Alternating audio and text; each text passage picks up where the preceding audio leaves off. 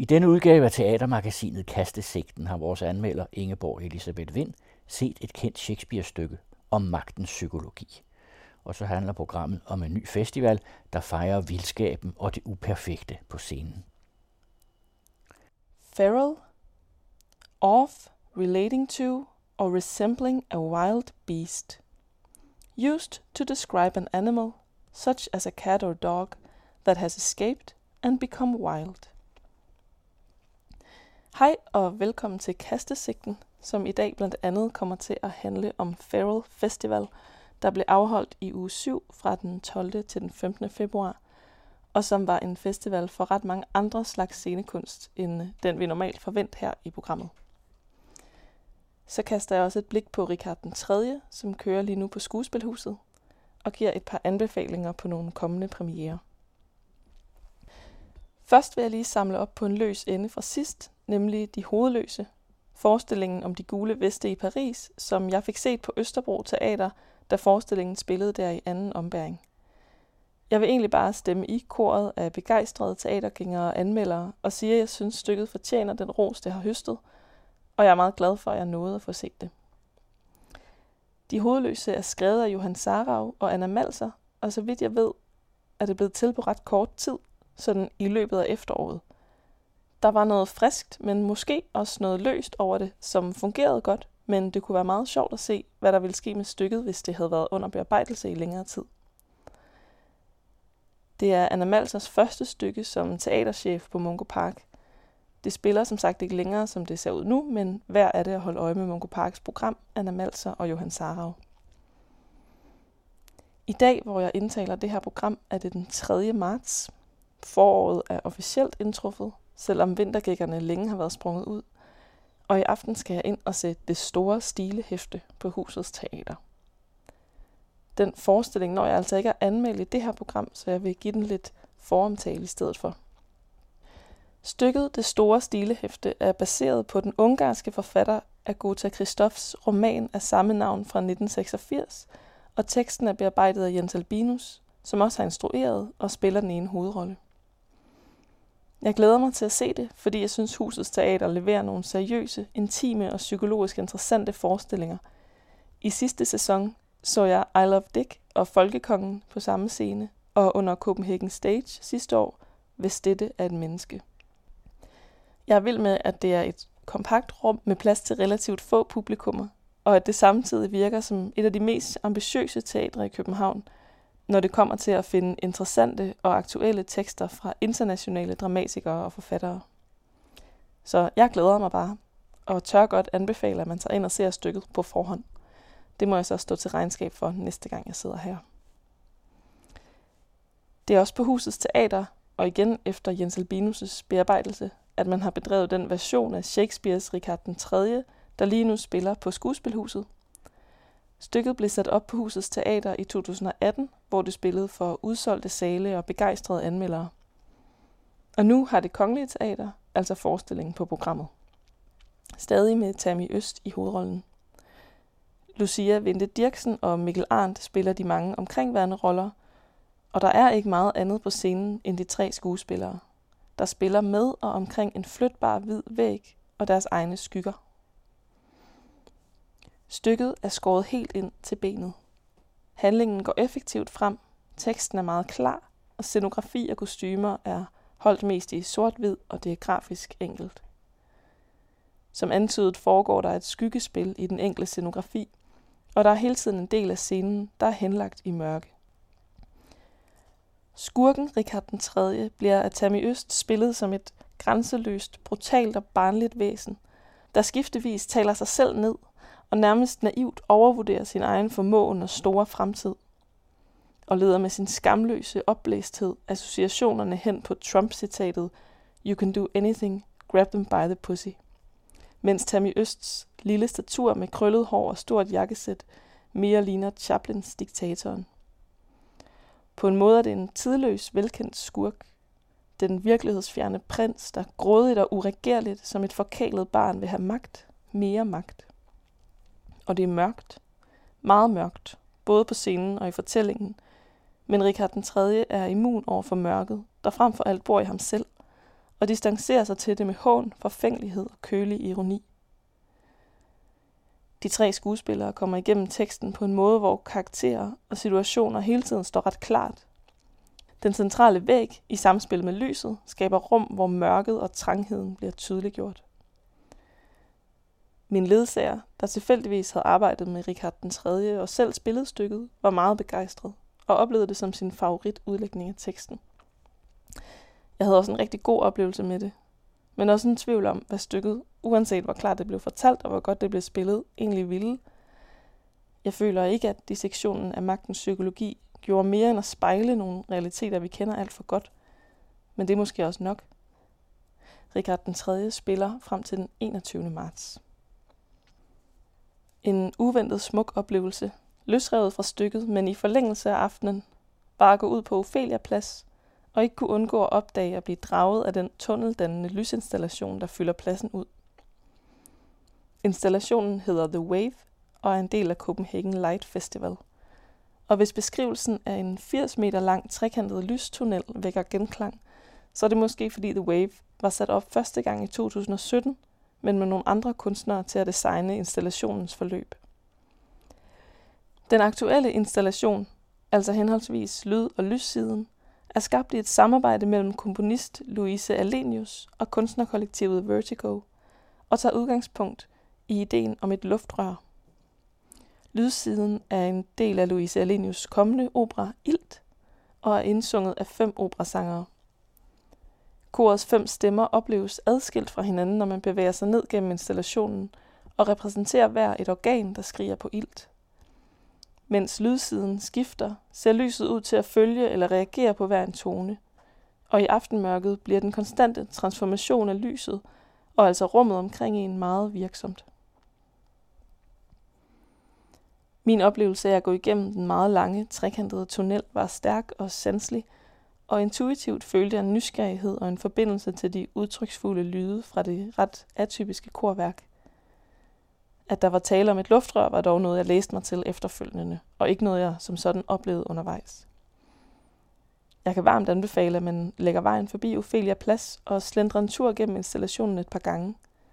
Sammen med alle de selfie-sticks og orkestrerede fotosituationer, der nok vil være en uundgåelig del af installationen, oplagt fotogen som den er. Onsdag den 12. februar tog jeg på Feral Festival. Det var den første aften ud af fire, hver med sin egen overskrift.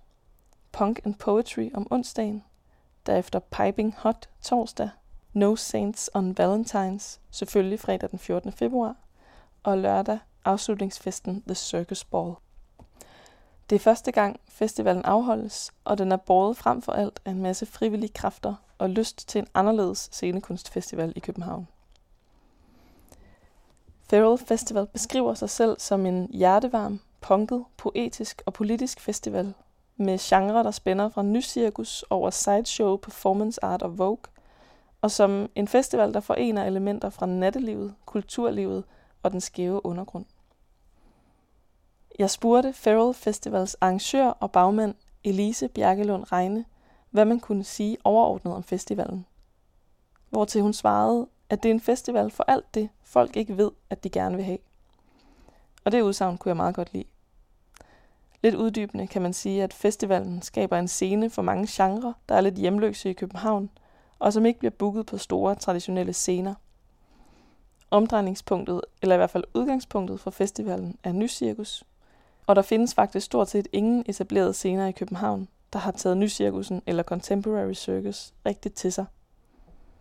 Republik afprøvede det en overgang, men ellers er nycirkusartisterne med deres behov for specifikke scenedimensioner, sikkerhedsinstallationer og højde til loftet nødt til at finde deres publikum i udlandet og selvfølgelig i miljøet omkring skolen af FUG, Akademiet for Utæmmet Kreativitet, hvor mange af dem selv har taget en del af deres uddannelse som artister – og hvor der er en stor rå cirkushal indrettet præcis til formålet. Så her blev Feral Festival selvfølgelig afholdt i den enorme industrielle hal og i forjen udenfor med en til lejligheden indrettet bar og en lille musikscene.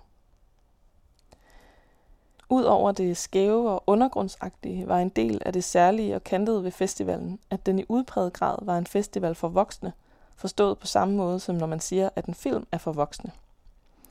Seksuelt orienterede performances og fuld nøgenhed var en del af programmet, særligt om fredagen, hvor No Saints on Valentine's Day temaet lagde op til at vende de ærbare romantiske normer på hovedet.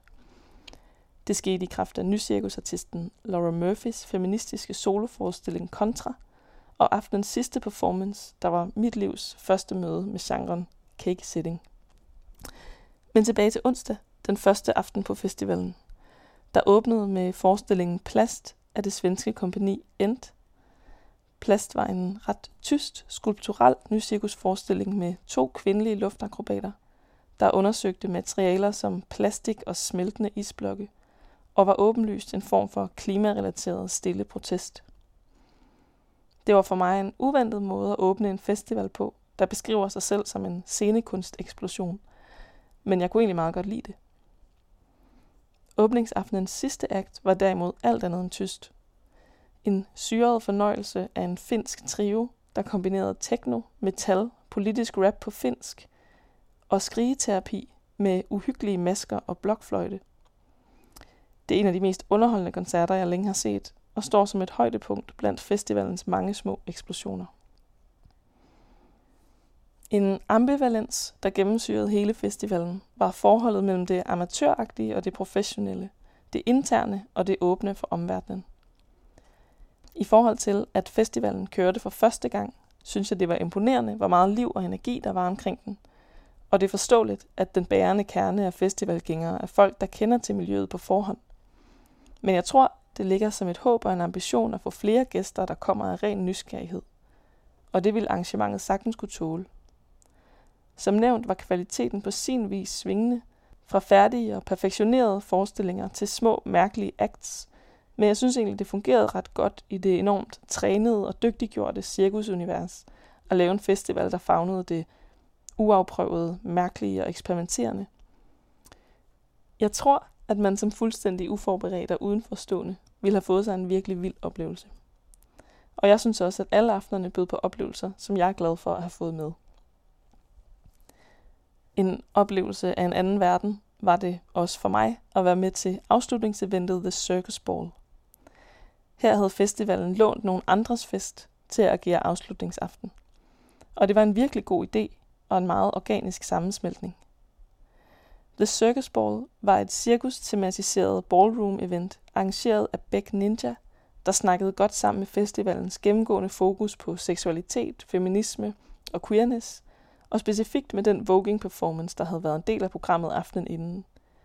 Og hvis I, der lytter med, ikke er helt fortrolige med de fremmedord, jeg lige nu sidder og slynger ud, kommer her en hurtig oversigt. Voguing er en bevægelsesstilart, der er opstået i ballroom-kulturen i New York ballroom-kulturen i New York har rødder helt tilbage til 1920'erne, hvor den er opstået ud fra en nødvendighed for sorte og latinamerikanske transpersoner om at have et sikkert racisme- og sexismefrit sted at være og udtrykke sig. Ball culture har altså en lang historie, så man kan blive lidt klogere på af at se tv-serien Pose eller dokumentarfilmen Paris is Burning fra 1990. Hvis jeg skal beskrive The Circus Ball meget overordnet, vil jeg sige, at det var en form for ekstravagant og mangfoldigt overflødighedshorn af en catwalk-konkurrence, der varede i mere end 5 timer, og stop fyldte mig med performative indtryk. Vilde bevægelser, vilde karakterer, vilde kostymer, og for mig helt nye måder at udtrykke sig og konkurrere på. Jeg synes, det var ret fint, at performance art og nycirkusboblen fik lov at besøge en anden boble, og være dem, der ikke var fortrolige med scenesproget, men måbende beundrede alle dem, der helt tydeligt var. Jeg håber, der er energi og mod til at gentage konceptet Feral Festival igen næste år. Jeg vil i hvert fald gerne se det udvikle sig, og tror ret meget på projektet. Hvis man er blevet hugt på at se noget nycirkus eller noget finsk politisk techno med høj performativ værdi, så linker jeg altså til festivalens hjemmeside, så kan man gå ind og læse om alle de underfundige artister på programmet, der jo altså stadig er at finde derude i andre kontekster. Det var alt for denne udgave af Kastesigten. Jeg håber, jeg har pustet til en glød af teater og oplevelseslyst. Og nu hvor jeg har brugt det meste af programmet på at se tilbage, vil jeg lige slutte af med at nævne, som Rasmus også gjorde det i sidste program, at der inden for de næste par uger er premiere på Desertøren på Østerbro Teater og Mutter Courage på Skuespilhuset, som nok er to forestillinger, der vil blive anmeldt her i programmet. Hvis man har lyst til at se noget andet end traditionelt teater, så kan jeg anbefale at gå ind og tjekke Dansehallernes program ud. Dansehallerne, der tidligere lå i Carlsbergbyen på Vesterbro, har lige nu til huse i Parkhus 11 ved Nordhavn, og der sker nærmest noget nyt hver uge hele foråret. Fordi dansescenen ikke er så stor og mange forestillinger og gæsteperformances fra udlandet, er det ofte sådan, at forestillingerne kun spiller en eller to gange. Så derfor kan jeg ikke nå at se og anmelde noget, uden at det vil være for sent at få anbefalingen. Så gå ind og tjek det ud og se, om der er noget i det altidige lineup, der kan pire din dansenysgerrighed. Med det vil jeg bare sige tak, fordi I lyttede med. I hørte teatermagasinet Kastesigten med Ingeborg Elisabeth Vind.